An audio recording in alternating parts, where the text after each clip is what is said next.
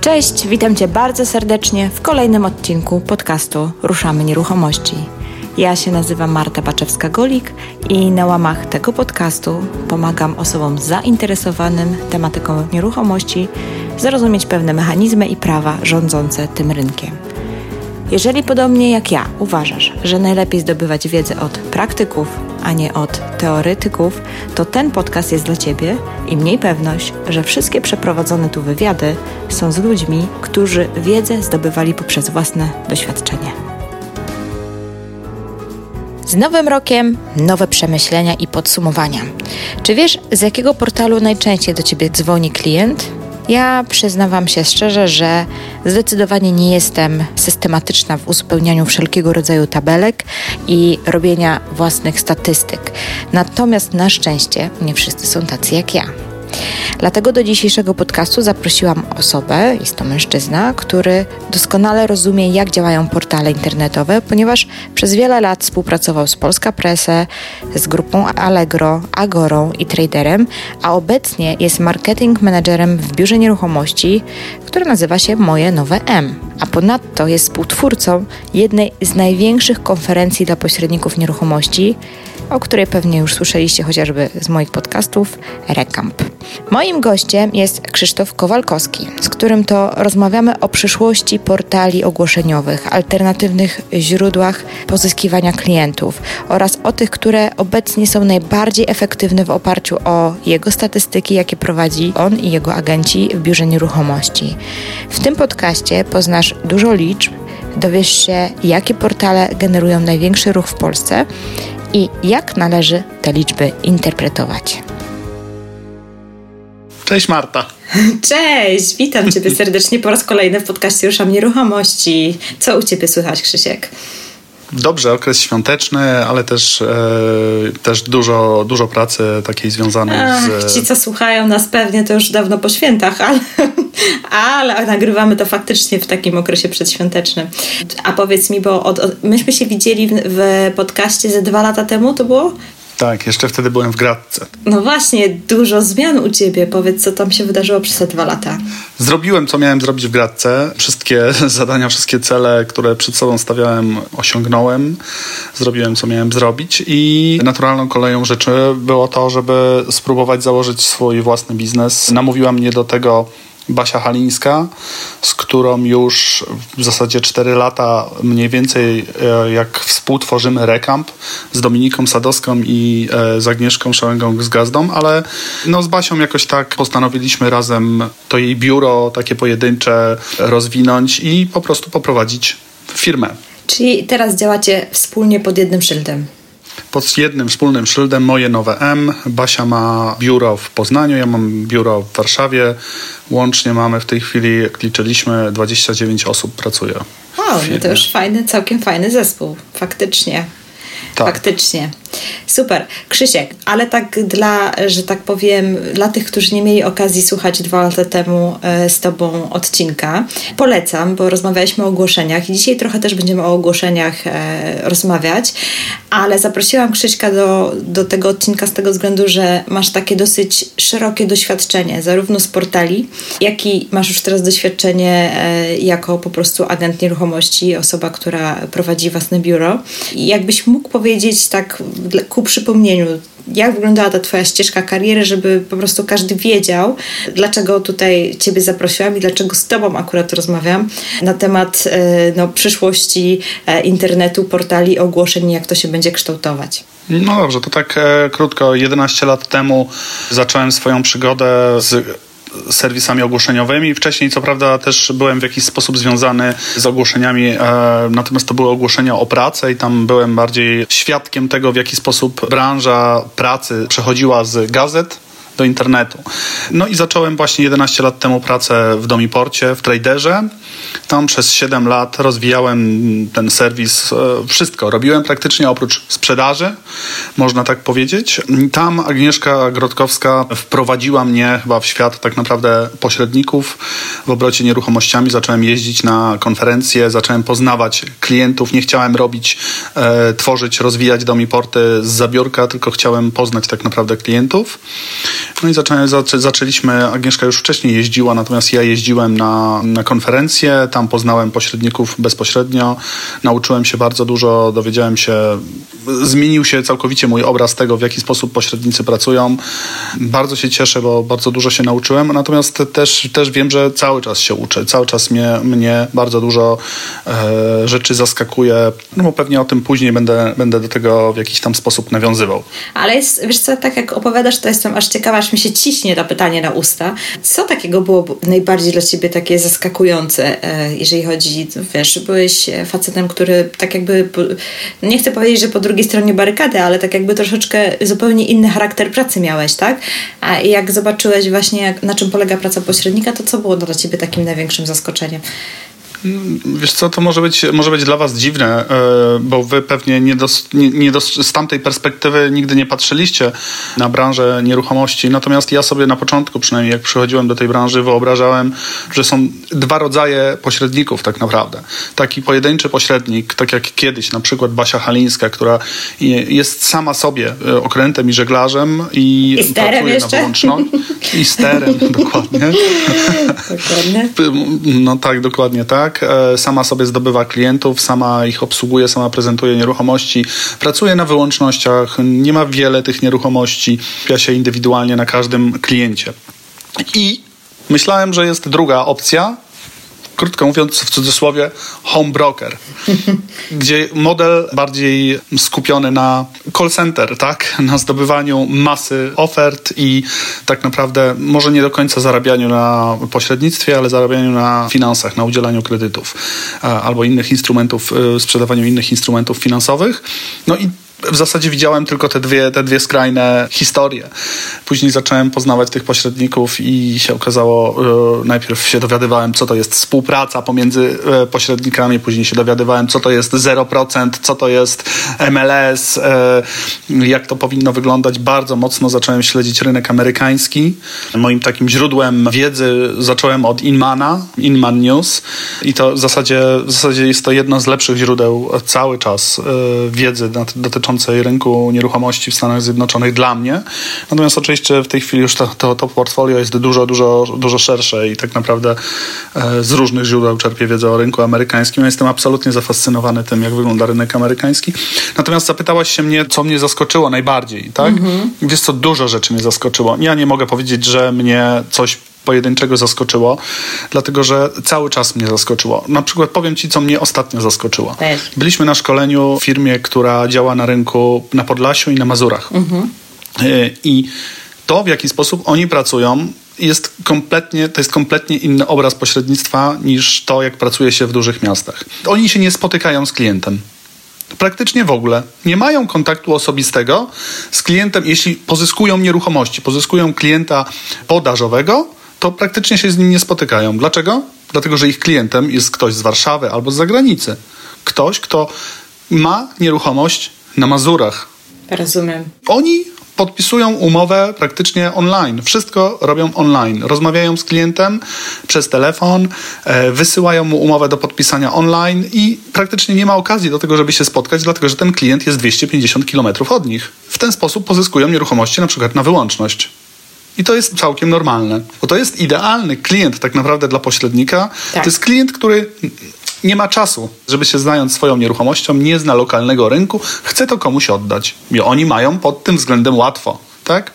Łatwiej jakby, ale to nie oznacza, że, że, że, że łatwo mają, tak? No wiesz, tak sobie myślę, że u nas na trójmiejskim rynku też jest sporo takich klientów, e, którzy mają tutaj nieruchomości, a mieszkają gdzieś zupełnie indziej, także wszystko, wszystko jest możliwe.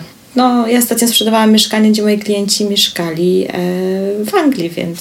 Tak, wiesz, Marta, to jest tak. My kiedyś zrobiliśmy takie ćwiczenie u nas w zespole, e, polegające na tym, żebyśmy zdefiniowali sobie cechy charakteru, cechy społeczne, cechy e, mm, ekonomiczne klientów pośrednika. Kto może być klientem pośrednika? To nie jest każdy. No nie, oczywiście. I zdefiniowaliśmy sobie 13 cech, tak? Żeby każdy w zespole, jakby rozmawiając z klientem, mógł sprawdzić, czy jedna z tych 13 cech to jest cecha tego klienta, z którym rozmawiają, bo jeśli to nie jest żadna z tych cech, to ten klient sobie sam może na tym rynku poradzić. Ale jeśli klient jest dla przykładu anglojęzyczny, nie zna polskiego rynku, to jest idealny klient dla pośrednika, tak? Jeśli to jest klient, który ma swoich ludzi od wszystkiego, na przykład prawnika, opiekunkę do dziecka, kogoś, kto sprząta mu w domu, to jest człowiek, który sobie w ten sposób układa życie. Że od każdej. Deleguje. Tak, deleguje zadania mhm. i szuka sobie podwykonawców. No to mm, pośrednik jest dla niego idealnym wykonawcą usługi. Ale nie wszyscy. Są tacy, którzy sobie, sobie, sobie chcą sami się zająć tym Jasne. na rynku i po prostu nie trzeba się na nich obrażać. To jest po prostu, to nie jest po prostu klient pośrednika. Ja ci powiem, że mam teraz taką ciekawą historię akurat na tapecie, zupełnie jest świeża. E, jestem w trakcie, jeszcze nawet nie wiem jak się zakończy, gdzie mam umowy na wyłączność. Klientka znalazła, no sąsiedzi przyprowadzili klientów, więc e, sami i ona tak jakby, ona wie, że musi mi zapłacić wynagrodzenie i tak dalej, ale jakby celowo izoluje mnie od tej transakcji. Mhm. E, w sensie takim, nie wiem, no czuję, że jak przyszli od, od sąsiadów, to, to nie ma sensu mnie prosić o pomoc. No nie mam pojęcia, z czego to wynika, ale pierwszy raz w życiu mi się coś takiego zdarzyło, żeby pracując na umowie na wyłączność, że mam bardzo dobrą relację z tą panią. Żeby była jasność, my się naprawdę super lubimy, w ogóle sporo, ja tam byłam mnóstwo razy i tak mhm. dalej, tak? No i jestem ciekawa, jak to się potoczy, bo to się tak jakby toczy trochę już teraz weszło na taki tor, gdzie ja po prostu nie wiem do końca, co tam się dzieje i obserwuję bacznie, ale ta pani ma taką potrzebę, żeby to zrobić samemu. No i co mam zrobić?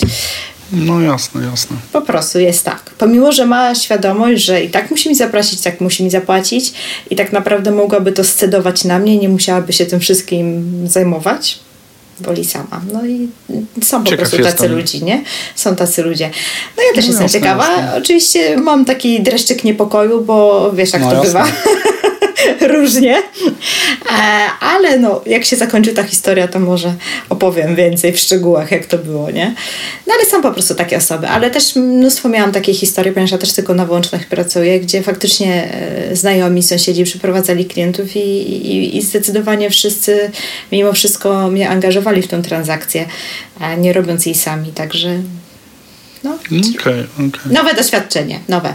Dobra, ale odbiegamy, odbiegamy od tematu. A ty jeszcze ciągle nie odpowiedziałaś mi na pytanie.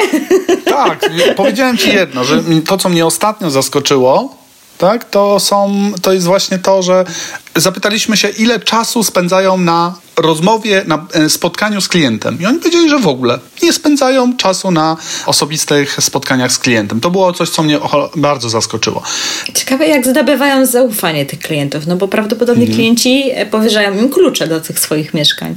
No, tak, dokładnie tak. No, dokładnie, w jakiś sposób. No, w jakiś sposób muszą to przez telefon zrobić, tak? To, co mnie zaskoczyło na przykład, to jest szeroko rozumiana współpraca pomiędzy pośrednikami. Nie mogłem zrozumieć. Przeszło przez pół roku. Na czym polega współpraca i na czym polega ten brak współpracy? Dlaczego pośrednicy, dlaczego dzwoniąc do pośrednika, mając klienta na konkretną nieruchomość, drugi pośrednik mówi, że nie, że on nie chce współpracować, że on poczeka, aż ten klient go sam znajdzie. To było dla mnie kompletnie nie, niezrozumiałe po, powody, dlaczego tak się dzieje. Dlaczego takie, takie sytuacje mają miejsce? Dlaczego ludzie nie chcą realizować transakcji, nie chcą zarabiać i działają ostatecznie na niekorzyść swojego klienta? Tak? Bo jeśli masz nieruchomość na sprzedaż, klient ci ją powierzył, masz ją na umowie wyłącznej, to działasz na jego rzecz. I teraz przychodzi do ciebie ktoś, kto mówi, że ma klienta. I ty mówisz, że nie, że ty nie chcesz tego klienta. No to działasz na niekorzyść swojego klienta, który powierzył ci swoją nieruchomość do sprzedaży. No nie mogłem takich rzeczy zrozumieć, tak? 0%, e, 0% jest do tej pory chyba dla mnie niezrozumiałe, ale prawdopodobnie dlatego, że my, my Polacy wymyślamy sobie różne rodzaje tego 0%, a nie działamy tak jak Amerykanie, co to znaczy działamy na 6%, 3% zawsze oddajemy drugiej stronie, jeśli przychodzi z pośrednikiem, klient wtedy kupujący nie płaci tamtemu pośrednikowi. Ale to też chyba nie jest taki, taką standardem i regułą w Stanach. Wiesz co, jest w Stanach w kodeksie etyki nawet napisane, że jeśli pośrednik nie dzieli się prowizją, to musi to jasno zakomunikować. Nie może tego nie komunikować tak? Jeśli rzeczywiście nie dzielisz się prowizją, to musisz to, to zaznaczyć w MLS-ie, że taki, e, takiego podziału prowizji nie ma.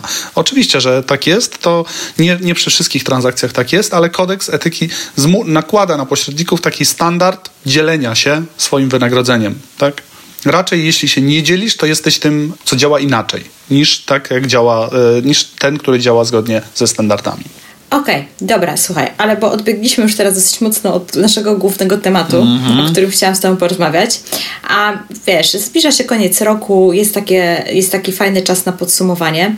Wiem, że, bo, że Ty się głównie zajmujesz marketingiem u Was e, w firmie i jesteś tą, tą, tą, tym, tym człowiekiem, który zarządza popytem, kierowaniem akcji, e, że tak powiem, marketingowych, reklamowych i tak dalej. Więc tak na rozgrzewkę Powiedz mi, skąd pozyskałeś swojego ostatniego klienta? Pamiętasz? Albo do biura, albo dla kogoś. Wiesz co, tak jak, tak jak powiedziałeś, znaczy, na początku zaznaczyłeś, że ja jestem pośrednikiem w obrocie nieruchomościami teraz od roku. Cały czas się, zawsze się bronię mówiąc, e, że ja nie jestem agentem nieruchomości, raczej ja jestem e, właśnie, tak jak powiedziałaś przed chwilką, marketerem. Natomiast z drugiej strony rzeczywiście przez to, że jestem bardzo długo na tym rynku nieruchomości, ludzie wiedzą, że jestem na tym rynku, wiedzą, co reprezentuję, widzą to, co komunikuję, to rzeczywiście powierzają mi swoje nieruchomości. Mhm. I bardzo często jest tak, że nie chcą, żeby ktoś inny, żebym przekazał tą nieruchomość komuś, innemu agentowi, tylko chcą, żebym to ja dopiął umowę, później być może, że później miał jakiegoś agenta, który rzeczywiście pomoże mi sprzedać tą nieruchomość, natomiast to ja jestem takim punktem, który się komunikuje z klientem, tak? Point of interest dla klienta to jestem ja tak naprawdę. Mhm. No i teraz nad, odpowiadając na twoje pytanie, skąd pozyskałem? No rzeczywiście pozyskałem swoją nieruchomość. E, no zwykle, e, zwykle jest tak, no są dwa główne miejsca. Albo klienci do mnie sami przychodzą i mówią, Krzysiek, widzę że jesteś ekspertem na rynku nieruchomości od wielu, wielu lat. Widzę, że jak ogarniasz internety, tak, i ja ci chcę zostawić tą nieruchomość, żebyś mi sprzedał tą nieruchomość. Więc ludzie wiedzą o mnie z Facebooka. Tak jest. Mam konkretną strategię, konkretnie ustaloną, w jaki sposób mam powiększać swoją bazę danych na Facebooku. Jest to dla mnie po prostu miejsce do komunikacji tego, że jestem ekspertem na rynku nieruchomości i tam, stamtąd przychodzą zwykle klienci. Świetnie i to super, że o tym wspomniałaś, bo dzisiaj o Facebooku będę chciała z Tobą jeszcze sporo porozmawiać, więc wrócimy do tego, mhm. e, do tego tematu. Ale teraz zahaczmy jeszcze o te tradycyjne sposoby, czyli portale ogłoszeniowe e, kontra takie e, nazwijmy to analogiczne sposoby typu banner, ulotka i tak dalej, i tak dalej. Jak to u Was w firmie wygląda? Czy Wy śledzicie mm, ruch, skąd do Was przychodzą? Czy to jest faktycznie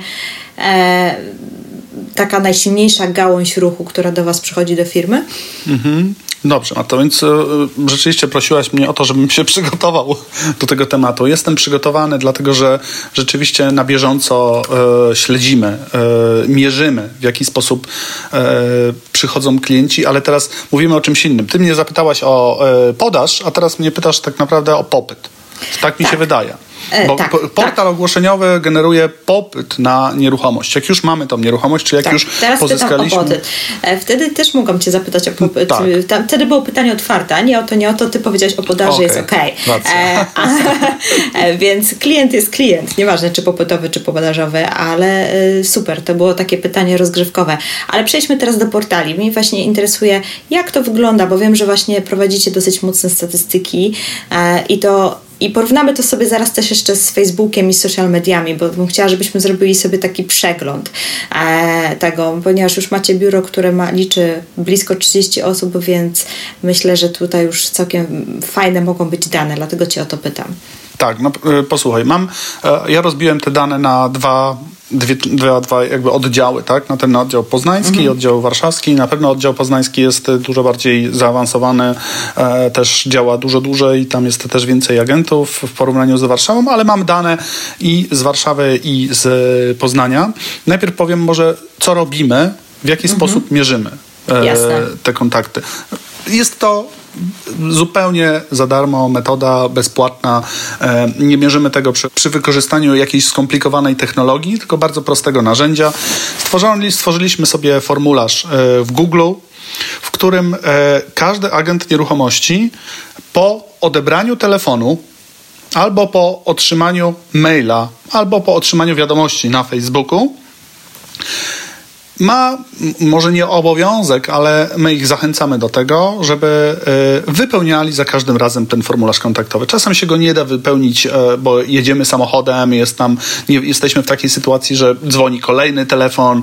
E, natomiast agenci wiedzą, żeby to codziennie zrobić po każdym takim telefonie i rzeczywiście wypełniają. My z nimi pracujemy tak, żeby im przypominać, że mają to robić, bo to jest tak naprawdę dla nas podstawowe źródło uzyskania informacji na temat tego, skąd skąd, jakie źródła kontaktu są dla nas najskuteczniejsze. Agent ma na telefonie ikonkę ze skrótem, który klika ten skrót, ten skrót otwiera mu stronę internetową, formularz kontaktowy, na którym wybiera swoje imię, e, wybiera e, informację, czy to był telefon, czy to był mail, czy to była jakaś inna, innego typu wiadomość. Z rozwijalnego pola wybiera źródło kontaktu, mhm. czyli ma w głowie zapamiętane, żeby zapytać klienta podczas rozmowy, skąd do niego dzwoni. To jest chyba najistotniejsze, żeby zapytać, nie? E, tak. Bo to jest nawyk, który trzeba sobie wyrobić. Tak.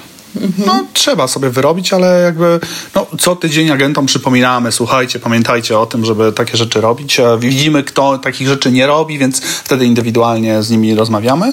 E, no i sobie zaznaczamy też informację, czy jest to e, odpowiedź na ofertę, czy jest to pytanie o usługę, tak? Bo mhm. są to różnego typu e, wiadomości. No i mamy po prostu statystyki. Od początku roku prowadzimy takie statystyki. E, ja je podzieliłem na agentów z Warszawy i agentów e, z Poznania i rzeczywiście mamy, e, za chwilkę wam mogę chętnie, chętnie się tymi danymi podzielę. Druga sprawa jest też taka, że to też e, duże znaczenie ma to, na jakich nieruchomościach pracujemy. Ja przynajmniej ja widzę. My, jeśli mamy agenta, który pracuje mm, nie w Warszawie, ale lokalnie, pod Warszawą i który pracuje na przykład na działkach, to zdecydowanie ten agent generuje najwięcej, e, jemu najwięcej telefonów generują banery. Okay. Tak jest. To, to jest przykład. Więc e, musimy pamiętać o tym, że ta struktura, że nie, nie, żebyście patrząc na te dane, które będę, będę pokazywał, nie przykładali ich do swoich regionów, bo naprawdę w Trójmieście jest inaczej. Ty na pewno, Marta, korzystasz z trójmiasto.pl. Ja nie korzystam z trójmiasto.pl, bo dla mnie ono nie, nigdy nie będzie generowało e, żadnego kontaktu. Z drugiej strony w Warszawie czy w Poznaniu nie mam lokalnego serwisu, który jest takim dobrym źródłem lidów, jakim jest trójmiasto.pl. Ja mam oto dom, gratkę i inne portale. Lokalnie nie mam takiego czegoś jak na przykład w Szczecinie infoludek.pl którego nikt nie zna, tak? A w Rzeszowie rzeszowiak.pl, a w Białymstoku białystok-online.pl. Nikt nie zna takich serwisów, okay. ale oni lokalnie znają te serwisy, więc pamiętajcie o tym, że ja będę mówił tylko i wyłącznie o Warszawie, tylko i wyłącznie o Poznaniu i tylko i wyłącznie w, w kontekście tego, na, jakich, na jakiego typu nieruchomościach pracujemy. Jeśli będę, nie będę miał agenta, który pracuje na działkach, to ta struktura mi się zmieni. To dawaj, dawaj te, te, te dane, co tam wam wyszło, bo jest, aż jestem ciekawa, bo ja niestety nie jestem aż tak skrupulatna. No e. jasne, jasne. Posłuchajcie, jeśli chodzi o Poznań, mm, tutaj rzeczywiście mamy tych danych bardzo, bardzo dużo. No to jest tak, że mamy trzy główne źródła pozyskiwania kontaktów. Oto dom, gratka i banery. Mhm. Tam w Poznaniu też mamy kilku agentów, którzy pracują lokalnie pod, pod Poznaniem i którzy rzeczywiście sprzedają domy i sprzedają działki i produkcja banerów jest rzeczywiście u nas e, mocno zaawansowana i te banery gdzieś rozwieszamy. Tak też, żeby budują, buduję, buduję, budujemy wizerunek jakby agentów e, tymi banerami, więc jest to dla nas e, też, też dodatkowe, dodatkowe jakieś tam e, wartość mają te banery. Natomiast jeśli chodzi o Poznań, to rzeczywiście dla nas liderem jest Oto Dom, na liczbach mogę powiedzieć, że praktycznie jedna, ponad jedna czwarta, no prawie jedna e, trzecia kontaktów pochodzi z oto domu. Okej. Okay. Jedna piąta kontaktów pochodzi z gratki, jedna piąta kontaktów pochodzi z banerów i tyle. Więc mamy Jasne. 20, 40, 70% e, kontaktów pochodzi z tych trzech źródeł pozyskiwania. E, czy ciekawa jestem, czy te ogólnopolskie statystyki, jakie podają portale, e, jeżeli chodzi o ilość generowanego ruchu, czy to się będzie też przekładać? W sensie, że ten oto dom odstaje od reszty naprawdę bardzo mocno. W praktyce też tak się dzieje też, nie? Jest teraz tak, że w listopadzie oto dom wygenerował według SimilarWeb 13 milionów wizyt, Gratka wygenerowała czekaj, ja sobie tutaj otworzę, bo ja mam takie dane cały czas e, dostępne, cały czas e, widoczne. 13 milionów, pamiętam, oto dom. Tworzymy teraz taką bazę wiedzy e, dla pośredników, którą na pewno udostępnimy i tam takie dane będą ogólnodostępne pod hasłem właśnie profesjonalnypośrednik.pl. Ta baza, baza, baza danych będzie niedługo dostępna. A, już wiem, statystyki tutaj. Ja sobie już tutaj klikam no, w tym serwisie, do którego wy jeszcze nie macie dostępu, ale możecie sobie gdzieś tam w niego kliknąć, zapisać. A jest jakiś link, który już mógłbyś na przykład podać, żebym mogła zamieścić w, w notatkach do odcinka, czy jeszcze nie? Wiesz co, jest link profesjonalnypośrednik.pl. Okay. To jest serwis, na którym my informujemy, e, co będzie. E, to jest landing page, na którym informujemy, co będzie e, mhm. zawierał ten serwis. Jak chcesz, to zostaw po prostu adres e-mail do siebie w momencie startu projektu. Do dostaniesz maila o, o tym, że ten projekt już jest aktywny. Profesjonalny pośrednik.pl to jest bez żadnych tam kropek w środku, tak? Tak, bez żadnych kropek. Mhm. Profesjonalny pośrednik.pl. Oto dom 13 milionów, gratka 3,4, 5,4 miliona, Morizon 3 miliony, nieruchomości online 2 miliony. Domiporta 1 300 a to nieruchomości online ładnie zaczyna gonić. To, trzeba, trzeba też wiedzieć, jak interpretować te dane. Trzeba wiedzieć tak. też, że Morizon, mając 3 miliony, to nie jest sam Morizon. Morizon też uruchomił taki sklep e, z produktami finansowymi, który z miesiąca na miesiąc po prostu wygenerował bardzo dużo ruchu i to nie, jest, e, to nie są dane dotyczące tylko i wyłącznie ogłoszeń, ale też innych. Mm, innych podserwisów Morizona. Ja nie mam tak. innych danych. Mm, mogę tylko powiedzieć, no według mnie Morizon nieruchomości online to jest mniej więcej ten sam poziom e, ruchu, około 2 milionów, taki już czysto ogłoszeniowy. A Domiporta? Domiporta, Domiporta milion trzysta. 10 razy mniejsza niż oto dom, krótko mówiąc. Natomiast Ciekawe.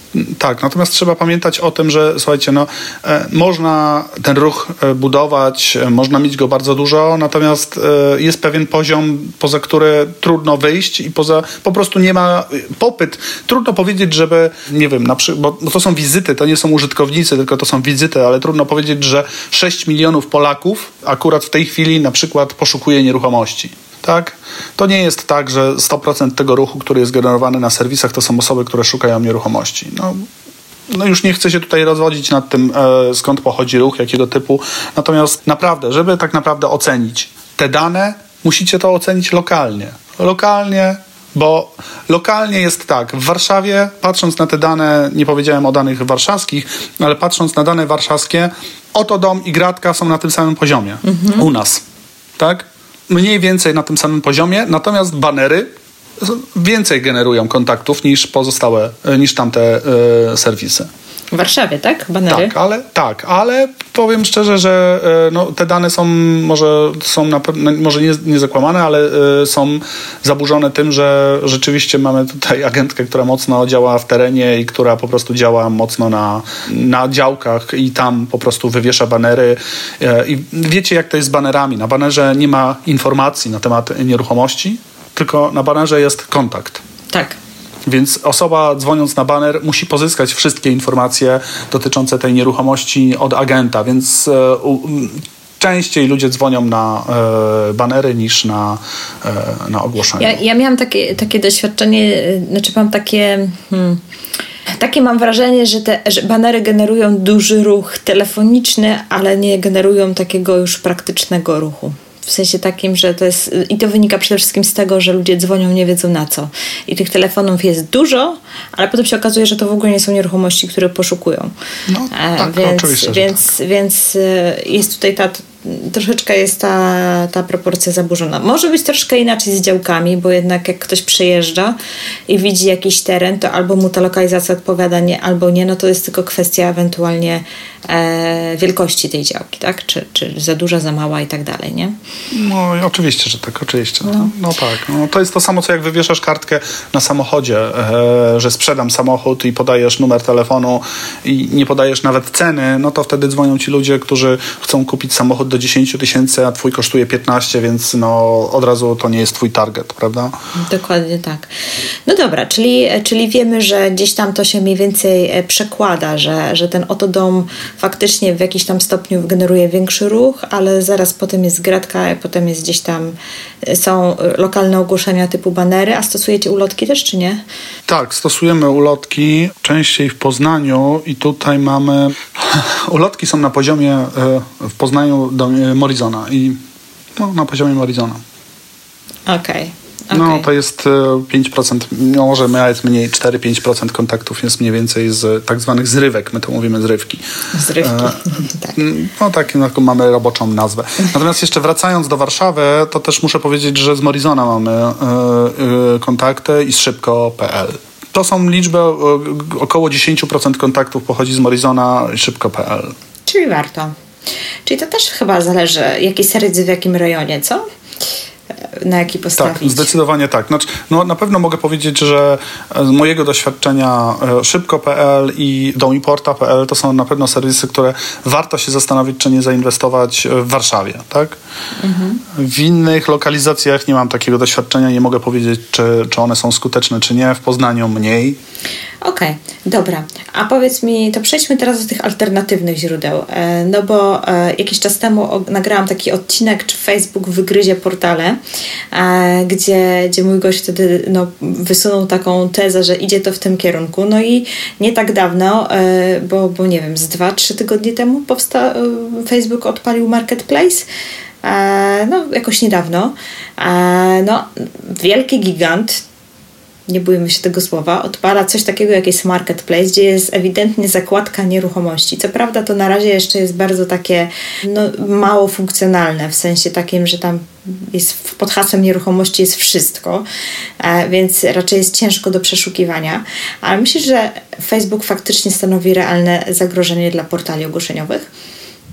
Posłuchaj, e, znowu Jesteśmy, zerknijmy na rynek amerykański. E, jesteśmy, e, oni uruchomili marketplace chyba półtora rok temu. Mhm. E, już gdzieś są rzeczywiście dalej i tam pośrednicy amerykańscy no, korzystają na pewno z marketplace'u. Marketplace jest dużo bardziej e, rozwinięty w Stanach Zjednoczonych e, niż w Polsce. Tak jak powiedziałaś, kilka tygodni temu dopiero uruchomiono marketplace.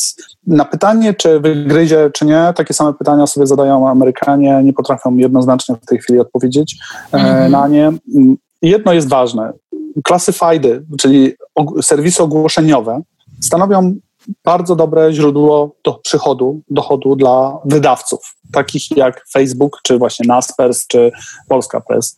Jest to kawałek tortu, o który na pewno muszą zawalczyć i którego no, nie warto zostawiać tylko i wyłącznie Elixowi czy Naspersowi, o który warto, warto zawalczyć. Facebook ma taką wartość, że tam użytkownicy już są nie trzeba o nich walczyć. Facebook nie musi robić kampanii telewizyjnych, tak jak e, Oto Dom, czy tak jak Gratka.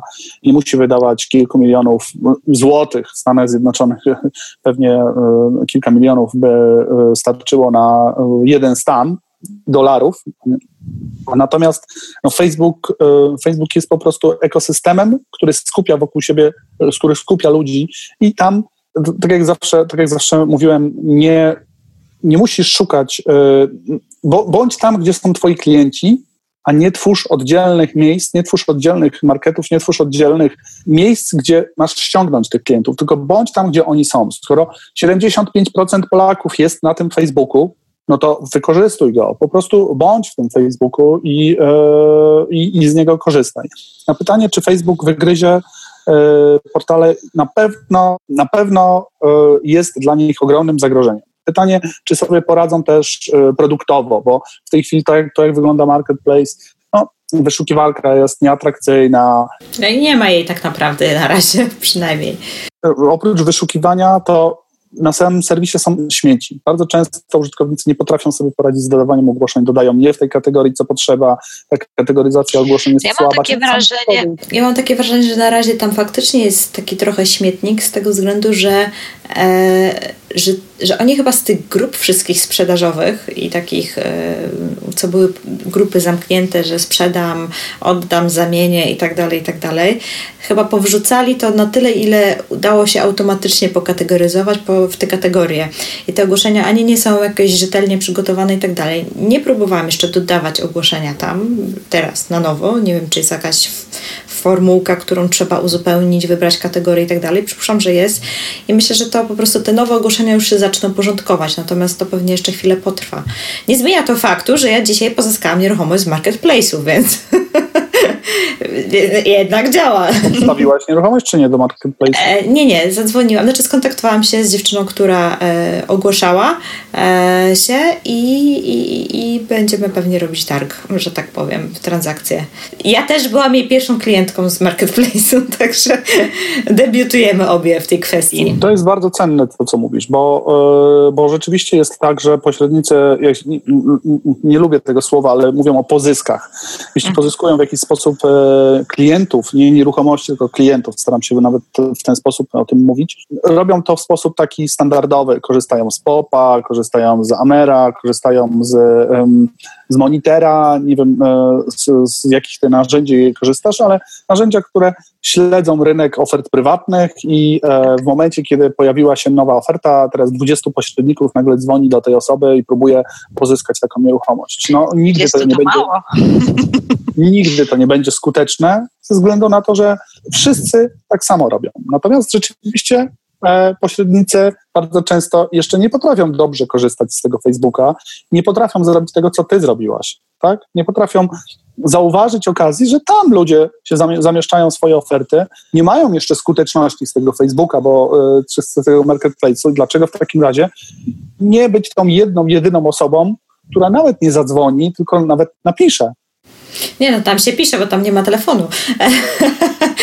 Więc wiesz, ale wiesz, to co jest fajne, ale to trzeba też mieć taką osobowość. Ja to akurat lubię, pewnie przez to, że ten podcast nagrywam, że jestem obecna w social mediach, e, że tam nie ma bariery tam od razu bezpośrednio uderzasz e, do kogoś. Oczywiście trzeba formę za, za, zachować i to nie chodzi o to, że, że, że się jest w jakiś sposób bezczelnym, czy, czy, czy po prostu nachalnym i tak dalej, i tak ale od razu wiadomo kto z kim. E, I tak samo ta osoba może ciebie prześwietlić i zobaczyć, kim ty jesteś, co ty robisz i, i, i w ogóle co sobą reprezentujesz. I tak samo ty możesz to zrobić, nie? Także to jest, to jest dosyć ciekawe i też możesz dobrać w tym momencie język do tego, jak, jak zagadać tą osobę, jak nawiązać relacje i tak dalej. Także jest to dosyć ciekawe. No ja, sobie zaglądam na ten marketplace z czystej takiej mojej e, ciekawości i, i, i jestem ciekawa, jak to się po prostu będzie rozwijać.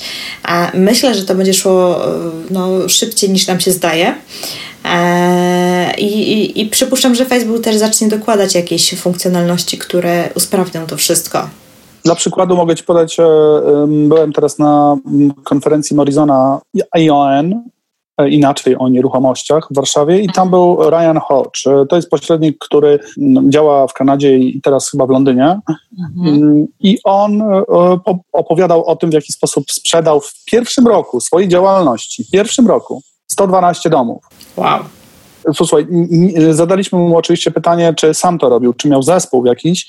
On powiedział, że sam to zrobił, natomiast e, mam pewne wątpliwości, czy rzeczywiście e, on dobrze zrozumiał, czy my też dobrze rozumiemy e, angielski. Popytając się go, czy on to zrobił, on prawdopodobnie ma na myśli siebie i swój zespół, jako on. Mhm.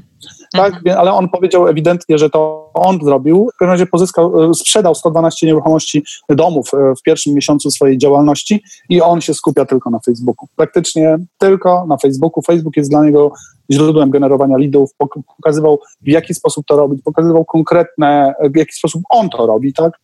Mhm. konkretne działania, konkretnie w jaki sposób rozmawia z ludźmi, w jaki sposób e, korzysta z tego Facebooka. No i e, no, przyznam szczerze, jak, jak go słuchałem, to trochę e, było tak, że powielał to, co ja mówię na szkoleniach. Jak szkolimy u nas ludzi Moje Nowe M, między innymi z tego, w jaki sposób korzystać z Facebooka, no to dokładnie on potwierdzał, Krzysiek, dobrze to robisz. Tak? Super. No właśnie, to wróćmy do tego, bo na początku powiedziałeś, że masz właśnie ten swój system e, pozyskiwania, e, no, rozbudowywania bazy e, swojej na Facebooku. Możesz się tutaj podzielić swoimi metodami i zdradzić trochę tajniki Twojej pracy? Znaczy to jest, to jest dość, dość proste, nic tu y, jakiegoś odkrywczego nie powiem, natomiast być może, że nie robicie tego i, i część z Was będzie mogła z tego skorzystać. Ja, ja mówię o, to, o tym generowanie leadów. W Stanach Zjednoczonych y, lead generation is a monster in real estate, tak się tak. mówi. Generowanie leadów to nie oznacza, że mamy pozyskać klienta.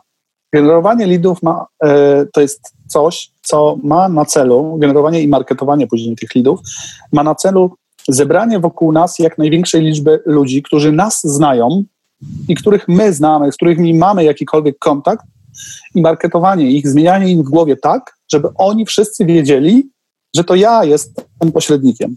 Że jeśli oni lub ich znajomi na imprezie będą mówić o tym, że chcą sprzedać jakąś nieruchomość, to te lidy, czyli wszyscy ci ludzie, którzy są wokół mnie, którzy mnie znają, mają, ma im się włączyć lampka w głowie i powiedzieć: Słuchaj, ale ja mam takiego gościa, który się zajmuje tymi nieruchomościami i idź do niego, bo ja mam relację z tobą, a on ma ze mną relację. Dzięki temu ta trzecia osoba przychodzi do mnie i jakby przynosi mi tak naprawdę sprzedaż. I proste, to co ja robię, wykorzystuję do tego Facebooka. Tworzę jak największą grupę swoich znajomych, po to, żeby ich później marketować. Po to, żeby pisać na Facebooku o tym, że zajmuję się nieruchomościami, że jestem ekspertem, budować swój wizerunek e, jako eksperta na rynku nieruchomości. Więc to, to, co ja robię, pierwsza rzecz, ja mam dosyć dużo, dosyć dużo, może to nie jest bardzo dużo, ale ponad 2000 znajomych na Facebooku, które mam, mam, których mam okazję marketować. Robię to na profilu prywatnym. Wykorzystuję do tego profil prywatny, nie fanpage'a. Na razie jeszcze to ograniczenie do 5000 nie jest dla mnie jakąś tam barierą, więc e, po prostu co jakiś czas wchodzę sobie w zakładkę mm, poszukać znajomych. Facebook mi rekomenduje, kogo mam dodać do znajomych i ja długo się nie zastanawiam, tylko osoby, które, mm, które są oznaczone jako mm, masz co najmniej 20 wspólnych znajomych, po prostu dodaję do znajomych. Często Często to nie jest e, efektywne, bo to są albo, znaczy może to nie są, e, staram się rozpoznawać e, profile, które są nieprawdziwe, tak? Czasami dodaję osoby, które mi później na tym Facebooku tam niekoniecznie chcę czytać to, co one tam piszą, ale jakby nie, nie jest to dla mnie jakiś tam problem. Staram się z Facebooka stworzyć narzędzie do tego, żeby budować swój wizerunek, pozyskiwać lidy i je marketować. Okej, okay, dobra. Pozyskiwanie y, społeczności, nazwijmy to y, poprzez właśnie dodawanie jest stosunkowo proste, natomiast całe sedno tkwi w tym, nie żeby wysłać zaproszenie do kontaktów, tylko żeby później ci ludzie faktycznie na ich tablicach wyświetlały się Twoje posty, a żeby tak się działo, to oni muszą zacząć je lajkować, muszą się w nie angażować i tak dalej, bo tak działa Facebook, inaczej po prostu e, no nigdy im się nie wyświetlą te Twoje posty, więc może nam zdradzić jeszcze jakieś pomysły pomysły na, na to, w jaki sposób tworzysz ten content na tym Facebooku, żeby faktycznie osoby, które są tak naprawdę obce, ale zaproszone przez Ciebie do kontaktów, gdzieś tam się zainteresowały, przeczytały, coś polajkowały, być może coś skomentowały? Znaczy, e, przede wszystkim no, musisz to robić systematycznie, tak? Musisz to robić systematycznie, cały czas e, informować, pokazywać. Ja wykorzystuję, ja wykorzystuję do tego podstawowe, całkowicie podstawowe narzędzia, które daje Facebook. Staram się co jakiś czas nagrać jakiegoś live'a. E, live na, live'a nagrywam tylko i wyłącznie po to, żeby, e, żeby budować swój zasięg. Bo Facebook bardzo mocno mm, zwiększa swoje, e, zwiększa zasięgi live'ów. Generalnie to, co jest ważne, to nie wyprowadzać ruchu z Facebooka. Co to znaczy? Żadnych linków nie wolno dawać poza Facebooka. Czyli jeśli publikujesz jakiekolwiek posty, wszystko ma zostać na Facebooku. To jest wytrych tak naprawdę w tej chwili dla Facebooka. Facebook bardzo mocno się zmienia. E, praktycznie co miesiąc e, jest inny i co, co miesiąc, co, co jakiś czas e, zmienia te swoje sposób, w jaki wyświetla dane na twoim, na twoim wallu, na twojej ścianie. Trzeba po prostu to śledzić, trzeba wiedzieć, jakie są aktualne trendy. Teraz jest tak, żeby nie wyprowadzać ruchu z Facebooka. Co to oznacza? Znaczy, że twoje posty muszą zawierać zdjęcia, ale zdjęcia muszą zawierać wideo, ale takie, które ty uploadujesz bezpośrednio przez Facebooka, nie zawierać żadnych linków, które kierują na zewnątrz. Co innego w komentarzach. Więc taki na przykład prosty trik, który jest w tej chwili stosowany przez specjalistów do spraw Facebooka, do spraw social mediów, to jest postowanie oprócz, oprócz e, live'ów, to postowanie zdjęć, e, postowanie zwykłych treści e, i w pierwszym komentarzu dawanie linku do tak, to faktycznie jest często, często spo, stosowane. I też to zauważyłam, że tak się dzieje i co? Wtedy są po prostu lepsze zasięgi. Osiem razy. Facebook o tym jednoznacznie mówi. Post, który nie zawiera linku wyprowadzającego na zewnątrz, ma 8 razy większy zasięg. Okej. Okay. Cenna informacja, cenna wskazówka. Czy linki w komentarzach? Znaczy na pewno róbcie live'y, y, bo live'y są naj, najbardziej, największe mają zasięgi. Róbcie je nawet tylko i wyłącznie po to, żeby zrobić tego live'a i żeby w tytule tego live'a było, żeby ten live, ludzie niekoniecznie go będą oglądać tak? Nie chodzi o to, żeby oni go oglądali, ale chodzi o to, żeby zobaczyli was, że wy interesujecie się, e, interesujecie, że jesteście ekspertami od nieruchomości, tak? Nawet jeśli w tytule takiego live'a e, dacie tytuł związany z branżą nieruchomości, no to, to już będzie dobrze. Po prostu ludzie zobaczą waszego live'a i będą, wam się, będą im się częściej wyświetlały wasze posty. Tak jest. Live'a jest czasami trudno zrobić, tak żeby się przełamać. Czasem trudno jest znaleźć czas na to, żeby zrobić takiego live'a. Boimy się, że, że źle wypadniemy, ale trzeba pamiętać o tym, że to nie jest, wszyscy, wszyscy mają takie poczucie, że to nie jest e, profesjonalne wideo. Tak. W mojej ocenie live'a jest najłatwiej zrobić. Dokładnie. Też mi się tak wydaje, że jest dużo łatwiej. Wystarczy się tylko przełamać. Ludzie mają dużo, e, dużo może nie empatii, ale nie oceniają live'a pod kątem tego, czy jest zrobiony profesjonalnie w HD i tak dalej, i tak dalej. Zdecydowanie, zdecydowanie bardziej trzeba się do wideo przygotować, jakoś i lepiej wyglądać i zadbać o scenerię i tak dalej, i tak dalej. Live może być zupełnie spontaniczny, live są właśnie po to, żeby były spontaniczne. Także też mam takie wrażenie. Dobra, ale e, dużo opowiedzieliśmy o Facebooku. A czy Twoim zdaniem jeszcze gdzieś warto budować społeczność? Czy są jeszcze jakieś inne serwisy alternatywne do portali i do Facebooka, o których już sporo powiedzieliśmy, e, gdzie naprawdę warto zaistnieć, bo jest duży potencjał na to, że tam też są nasi klienci? Jakbym miał, e, jakbym miał Wam powiedzieć, e, na czym się skupić, to nie róbcie pięciu rzeczy na raz, bo żadnej z nich nie zrobicie dobrze, tylko skupcie się na jednej, dwóch, trzech Mhm. I tam rzeczywiście nauczcie się dobrze robić takie rzeczy i zacząłbym przede wszystkim od Facebooka. Tak? Wiem, że jest trudno się niektórym przełamać, bo też jak rozmawiam z pośrednikami, to rzeczywiście jest im trudno, ale Facebook to jest must have, który powinni pośrednicy robić. Jeśli chodzi w ogóle o obecność w innych miejscach, w innych social mediowych e, serwisach typu wiem, YouTube czy typu e, Instagram, no posłuchajcie, na YouTubie jeśli chcemy opublikować jakiekolwiek wideo, no to już jest bariera, to już nie jest spontaniczne wideo. To już musimy naprawdę się dobrze do tego przygotować i naprawdę ono, ono też nam daje duże zasięgi, ale jakość dźwięku. Chociaż powiem Ci szczerze, że ostatnio też miałam taki, e, taki czas, gdzie naprawdę spędziłam sporo czasu, kilka nocy zarwałam, e, gdzie obserwowałam e, pośredników właśnie ze Stanów e, i z Australii, jak robią swoje kanały YouTube. I powiem Ci szczerze, że to w ogóle nie jest profesjonalne. To jest takie po prostu trochę z ręki nagrane. E, i, i, I mają tam potężne zasięgi. Mają zasięgi, Także, tak? Tak, tak. Tyle, że dzielą się praktycznymi rzeczami, jadą gdzieś prezentacje robić, nagrywają jakieś szybkie nagranie z, z widać, że z telefonu, e, z auta, e, wchodzą do mieszkania, po prostu gdzieś to jest wszystko takie naprawdę wcale nieprofesjonalne. Także myślę, że to też e, chyba trzeba e, gdzieś to wszystko wyważyć. Tak? Też trzeba sobie zdawać sprawę, że chyba nie jesteśmy telewizją i my teraz nie nagrywamy programu TV e, na temat pośrednika, tylko to jest coś, co ma, ma dać jakąś wartość tym użytkownikom tego YouTube'a, tak? Chcemy coś przekazać, chcemy się w jakiś sposób zaprezentować, chcemy pokazać, jak pracujemy, żeby po prostu ktoś nas zobaczył, więc w mojej ocenie też nie musi to być jakieś takie super, hiper wymuskane.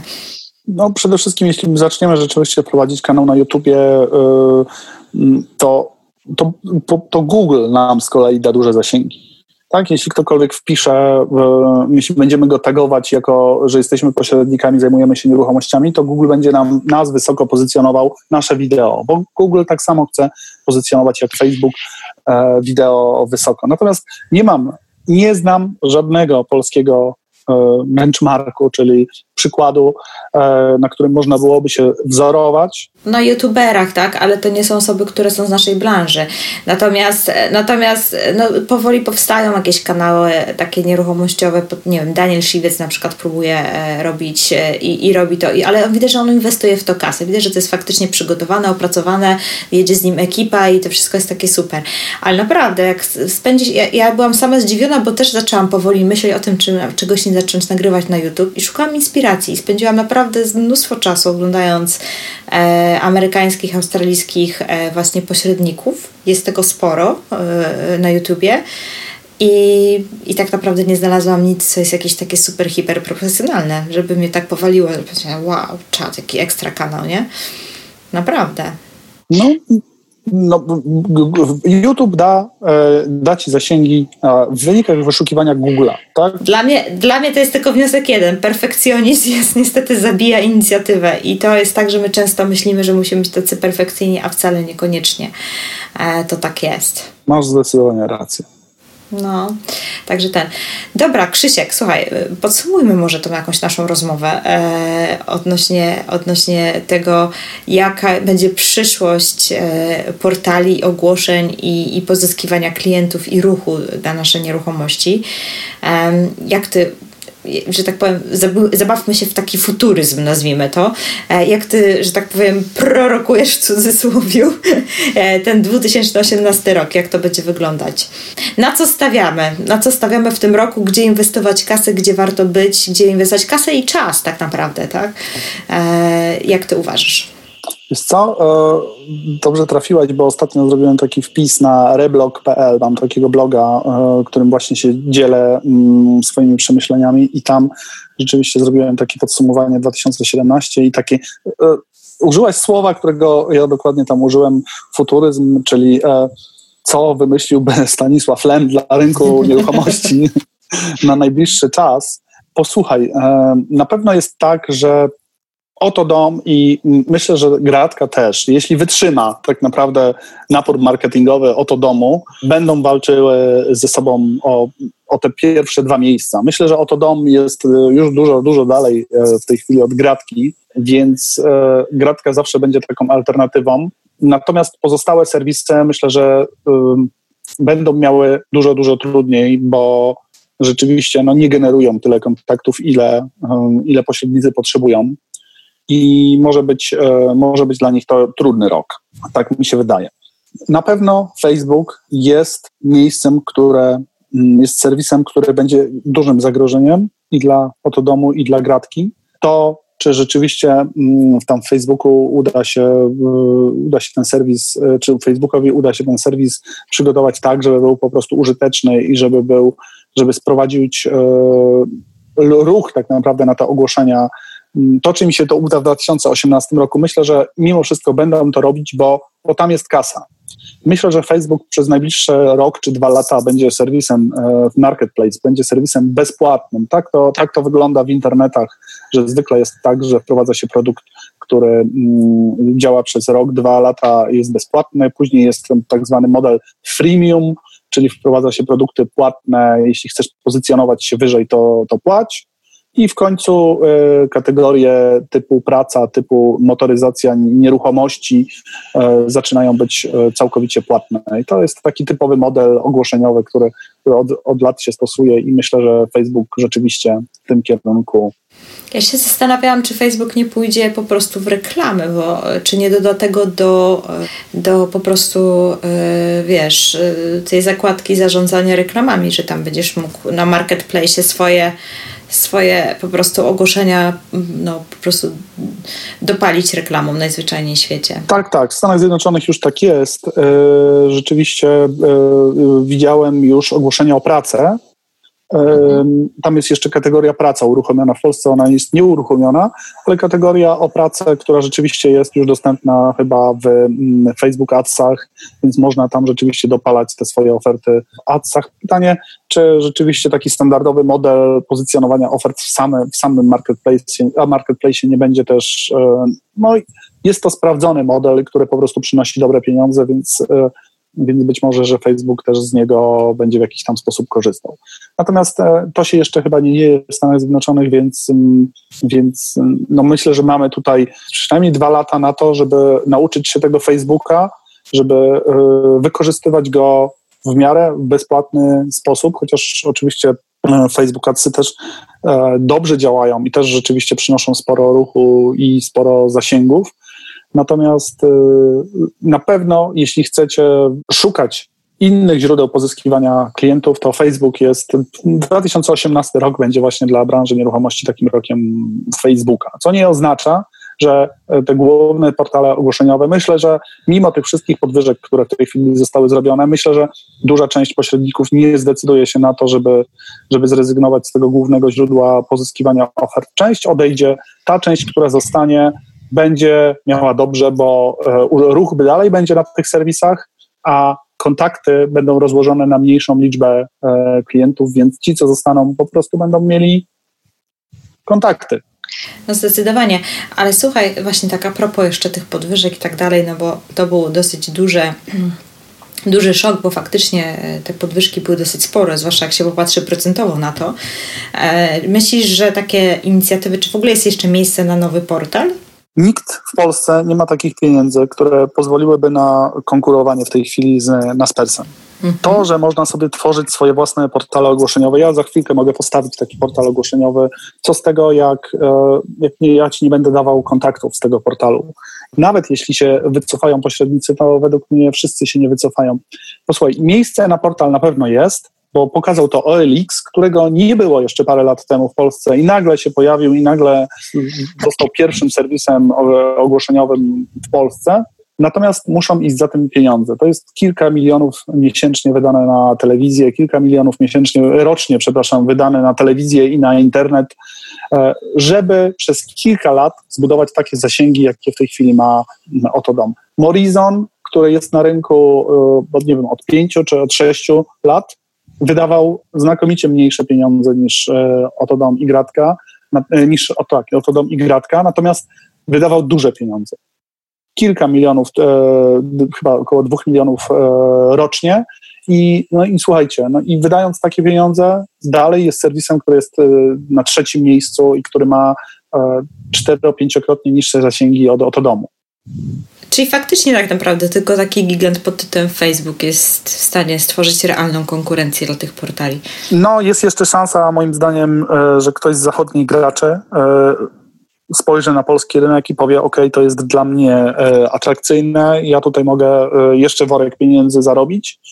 I rzeczywiście, jeśli nie wiem, Zillow amerykańskie albo jakiś inny serwis zachodni spróbuje podbić polski rynek, to być może, że kupi któryś z obecnych portali typu szybko, typu nieruchomości online, typu nawet Morizon, kupi go, zmieni mm, markę na swoją i e, włoży worek pieniędzy w ten sposób, że przez najbliższe 5 lat będzie na ujemnej bicie, czyli będzie inwestował e, po to, żeby za 5-6 lat zacząć e, monetyzować tą inwestycję, którą do tej pory e, wykonał. Natomiast z tego co wiem, to amerykańskie serwisy nie interesują się polskim rynkiem, jest za mały, e, więc nie sądzę, żeby Zillow Czyli inicjatywy oddolne od pośredników, wiesz, już, ja już słyszę o Fagorze od nie wiem ilu lat, e, żeby to był portal pośredników. Teraz powstaje kolejna inicjatywa e, portalu e, takiego tworzonego przez pośredników.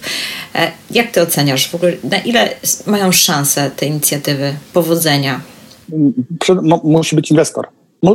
Ja uważam, że tak. Musi być inwestor, czyli musi być ktoś, kto włoży pieniądze mhm. w taki portal. Później musi być ktoś, kto się zna na internecie.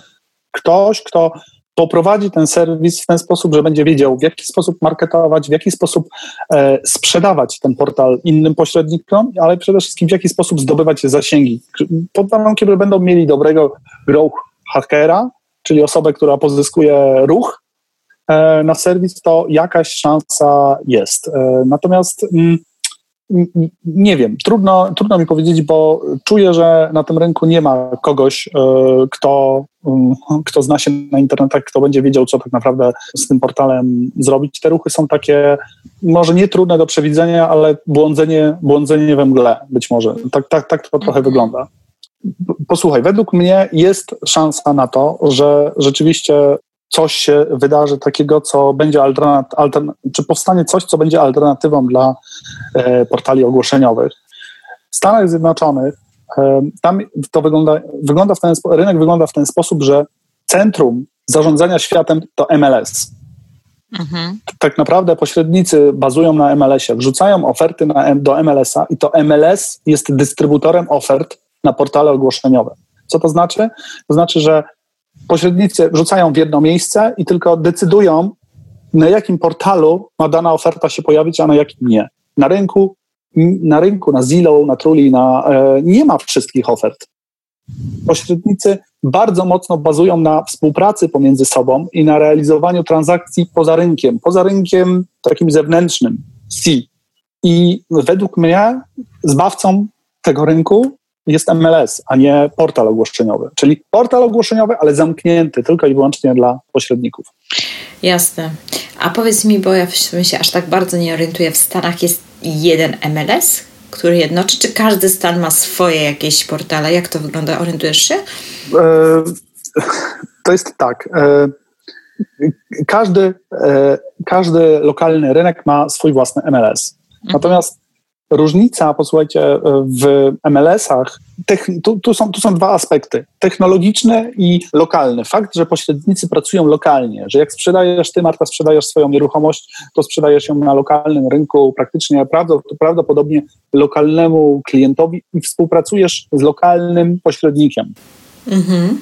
Lokalność MLS-u polega na tym, że ty powinnaś sobie wybrać z MLS-a tylko i wyłącznie opcje pomorskie województwo pomorskie. I pracuj tylko z ludźmi, którzy pracują na e, województwie pomorskim. Technologia dla tak małego kraju, jakim jest Polska, powinna być jedna, moim zdaniem. Tworzenie 15 lokalnych MLS-ów jest tylko, jest tylko niepotrzebnym Wiesz co, bo ja pamiętam czasy jeszcze, jak zaczynałam pracować e, w tym 2008 roku e, w biurze, no to tak naprawdę u nas na Pomorzu był tylko Bureau In. E, jako program do, do zarządzania ofertami. To w ogóle jeszcze nie był, to nawet nie był jeszcze program wtedy w chmurze, tylko się instalowało go na komputer. No, był bardzo, bardzo taki, e, no, nazwijmy to prymitywny jeszcze wtedy, ale mega plusem było, myśmy wtedy bardzo współpracowali między biurami ze sobą, dlatego że tam byli wszyscy w tym biurowinie. I wymiana ofert faktycznie świetnie funkcjonowała na tym poziomie lokalnym. I przez bardzo długi czas biurowin tak naprawdę nie miał w ogóle konkurencji. Nawet jak się pojawiały kolejne nowe programy, to nie bardzo biura chciały odchodzić. E, z racji tego, że czuły wartość właśnie tego, że, że, że, że większość biur jest w tym e, biurowinie. Natomiast niestety on gdzieś został trochę w tyle, jeżeli chodzi o technologię i marketing innych programów spowodował, że biura zaczęły, zwłaszcza nowe biura i tak dalej, zaczęły odchodzić w inne rejony, e, do innych, że tak powiem, alternatywnych programów. No i to się wszystko rozproszyło. I szczerze powiedziawszy, to uważam, że to jest bardzo duży błąd. To nie, to nie ma znaczenia, czy to będzie biuro Win, Asari, czy jakiś tam Esti, czy cokolwiek innego. Tak naprawdę nie ma to żadnego znaczenia, ale właśnie wartość tego wszystkiego polega na tym, że, że, że wszystkie biura są w tym jednym miejscu i faktycznie jest świetna świetna wymiana ofert wtedy. I, I współpraca idzie super. I ja to pamiętam, no, te początki mojej pracy były naprawdę super pod tym kątem. Dzisiaj jest uważam dużo trudniej. Jeśli twoi znajomi, z którymi współpracujesz, inni pośrednicy, z którymi współpracujesz, będą wszyscy, nie wiem, czy ty korzystasz ze STCRM, czy z jakiegoś innego programu, a jeśli wszyscy będziecie na STCRM, to macie wszyscy MLS-a tam. Tak. Jeśli my wszyscy w Poznaniu czy w Warszawie będziemy na Asari, to tam nie ma problemu, żeby dodać sobie MLS-a, dodać firmy, które z tego korzystają i korzystać z tego MLS-a. No tak to wygląda. Rozproszenie producentów oprogramowania nie pomaga, rozproszenie portali nie pomaga, ale fakt braku jednego centralnego miejsca, w którym pośrednicy zamieszczają swoje e, oferty, no, to jest moim zdaniem problem, z którym powinniśmy sobie jako pośrednicy poradzić. Może e, ja kiedyś wróciłem, pamiętam 1 kwietnia mm, tego roku, 2017 roku, e, posta takiego na grupę rekampową, no to co robimy MLS-a rekampowego, no i nagle się okazało, wow, wszyscy chcą zrobić MLS-a rekampowego, tak? No właśnie chciałam powiedzieć, że macie taką moc w rekampie, że może tu jest jakiś pomysł, żeby wykorzystać e, tą ideę i, i wykorzystać tych wszystkich pośredników, którzy wokół siebie, że tak powiem, gromadzicie, bo, bo jednak, nie wiem, ale już trochę tysięcy ludzi było tam, co u Was? Tak, tak. No, to, przyszło około 2000 osób, rzeczywiście jest tam gdzieś w, na liście mailingowej. 2000 osób nie było na rekampie jeszcze razem. Jeszcze. Tak? jeszcze. No może w tym roku. Kwestia czasu. Tak, w przyszłym roku, przepraszam, będzie nas rzeczywiście dużo. W kwietniu zapraszamy 13 e, i 14 kwietnia. Zdecydowanie tak. Zdecydowanie tak. Pewnie się też pojawia coś tam, porobię jakieś fajne nagrania. Cały czas nagrania z R-Campu zeszłogorocznego, e, cały czas ludzie odsłuchują, także, e, także cały czas to jest, że tak powiem, w toku, nie? Posłuchaj, e, zrobienie MLS-a to też jest kwestia inwestycji. Tak? To mm. jest kwestia tego, że ktoś musi zaangażować swój czas, ktoś musi zaangażować swoje pieniądze żeby tak naprawdę takiego MLS-a zrobić. To, to wszystko, wszystko, co robimy, to nie jest tak, że robimy to y, charytatywnie. Każdy z nas musi w jakiś tam sposób przeżyć i zarobić na tym. Moim zdaniem to powinna pójść inicjatywa z jakiegoś już funkcjonującego programu, bo bez sensu tworzyć drugi raz tą samą technologię, jak tak naprawdę i zarówno Asari, i zarówno ST i tak dalej. Wszystkie te wszystkie programowania mają tą możliwość, tylko, że tak powiem, one się zajmują konkurowaniem między sobą i zdobęciem jak najwięcej ilości, a, a nie daniem pośrednikom faktycznie tej wartości, którą oni by docenili. Ja na przykład jestem cały czas tym starym biurołynie, tylko dlatego, że mam po prostu jeszcze stary czas w głowie, gdzie to było po prostu cudowne narzędzie. E, i, i, I tyle, no. Wiesz co, może tak, ale e, powiem szczerze, że gdzieś tam rozmawialiśmy z szybko.pl e, i szybko.pl uruchomiło MLS-a teraz. Bardzo mocno komunikują e, takie narzędzie, które się nazywa Fair Play MLS. Natomiast no, szybko.pl też nie ma takich zasięgów, które nie ma też marketingu. Nikt, niewiele osób wie o tym, że szybko coś takiego robi, tak? Robi takiego tak. MLS-a. MLS-a takiego ma też Asari, e, Galactica, STCRM i no, to jest kwestia marketingowa, dotarcia do tych ludzi, do was, do pośredników, do nas i powiedzenia, słuchajcie, mamy tam MLS-a, zacznijcie z tego korzystać i e, proszę bardzo, tak? Tak, zdecydowanie. Trudny temat, trudny temat też dlatego, że nie wszyscy ze sobą współpracują, dlatego że nie wszyscy działają na podobnych zasadach. Jedni pobierają prowizję od sprzedającego, drudzy od kupującego, jedni pracują za złotówkę, inni za 5%, jedni się dzielą prowizją, drudzy nie. I teraz e, no, współpraca w ramach jednego narzędzia, gdzie każdy pracuje inaczej. No to fakt, fakt. Kiedyś też były te zasady jakieś takie ujednolicone. Ja pamiętam, jak zaczynałam pracę, to Zazwyczaj się brało po 2,5% od każdej strony i każdy brał od swojego klienta, i więc ta współpraca szła naprawdę świetnie, no bo każdy miał swojego klienta.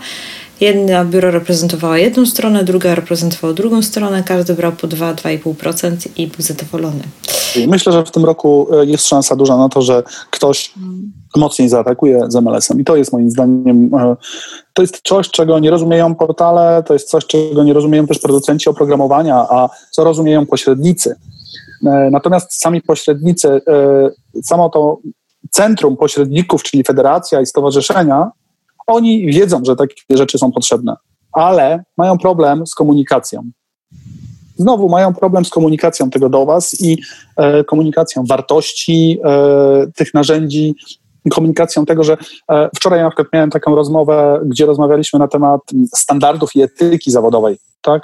Mhm. Nie wiem, czy Marta wiesz, ale e, czy, czy, czy, działasz według standardów? Wiesz co, ja znam kodeks etyki e, jeszcze z właśnie tych moich początków, gdzie to był, e, wiesz, koza była normalnym czymś, działało stowarzyszenie i trzeba było według tych standardów działać. Szczerze powiedziawszy, nie wiem, jak one się zmieniły, czy one w ogóle się zmieniły od tamtych czasów, ale z tamtych lat pamiętam i, i ja to miałam normalnie na studiach podyplomowych, bo ja jeszcze robiłam normalną licencję.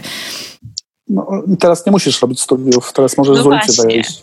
No, Ale właśnie. mimo wszystko ta komunikacja tych standardów, kodeksu etyki, tego w jaki sposób pośrednik powinien pracować, no powinna wyjść z jakiegoś miejsca. Stowarzyszenia i federacja tego nie robią, bo nie wiem dlaczego. Według mnie po prostu trudno jest im na tym rynku, obecnym rynku nowoczesnych technologii, nowoczesnego marketingu się e, odnaleźć. odnaleźć. I, naprawdę brakuje niewiele. Im brakuje kogoś, kto im pokaże, jak to robić. Takiej krwi, nowoczesnej, te, nowoczesnej krwi e, tego, tego, w jaki sposób sprzedawać siebie na przynależność do stowarzyszeń, przynależność do federacji. Ja też mam wrażenie, że kiedyś e, to był standardem, że każde biuro należało do stowarzyszenia, a dzisiaj to każdy się zastanawia, po co ma tam być. Bo nie wiesz, widzisz, bo nikt ci tego nie komunikuje. Ja bym ci powiedział po co, ale...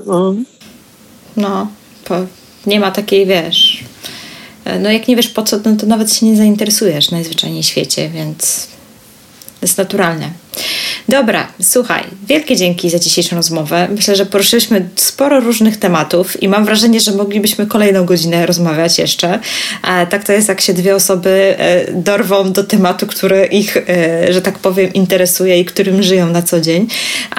Więc, ale nie chcemy już tutaj tego bardzo mocno wydłużać i przedłużać, w związku z czym powoli będziemy kończyć, ale zachęcamy Was do dyskusji. Już nie mogę doczekać, jaka będzie dyskusja pod e, postami z odcinkiem. E, i, i po prostu rozmawiajmy. Może, może faktycznie wyniknie z tego jakaś, e, jakaś konstruktywna, fajna dyskusja, i, a może jakiś MLS zaistnieje, a może usłyszą nasz, że tak powiem, twórcy oprogramowań i, i gdzieś pomyślą, że może jednak warto w tym kierunku pójść. Także e, mam nadzieję, że coś ten odcinek wniesie do myślenia nie tylko pośrednikom, ale różnym osobom związanym z branżą naszą, pośrednio lub bezpośrednio również. Mhm, dobra, ponieważ e, pewnie e, posłuchacie tego e, po nowym roku. Po nowym roku, więc mhm. ja Wam e, życzeń świątecznych nie składam, ale składam życzenia takie noworoczne, żebyście, żebyście mieli dobry rok, 2018, żeby ten rynek e, przyniósł Wam dużo, e, dużo kasy, dużo transakcji, dużo zadowolenia z tego, że jesteście pośrednikami. No i żebyście wykorzystali tę sytuację, która jest w tej chwili na rynku, to jak się zmienia ten rynek, do tego, żebyście po prostu byli lepszymi pośrednikami, jeszcze więcej zarabiali. Zdecydowanie i zdecydowanie niech, e, że tak powiem, ruch płynie do Was falami z internetu, niezależnie od tego, czy z portali, czy z Facebooka, że jakkolwiek znać swoją po prostu niszę, swoje źródło kontaktu a, i, i niech dzięki temu ten rok 2018 będzie jeszcze bardziej owocny.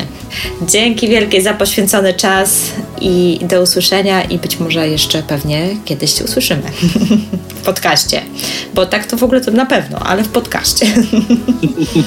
Dobra, na razie, trzymaj się, pa. Mogłabym z Krzyśkiem rozmawiać jeszcze bardzo, bardzo długo. Tematów wspólnych mamy mnóstwo i mam nadzieję, że jest to kolejna wartościowa dawka informacji, jakie właśnie usłyszałeś lub usłyszałaś. Jeżeli uważasz, że ten odcinek podcastu może się komuś przydać, będę wdzięczna za udostępnienie go lub polecenie swoim znajomym.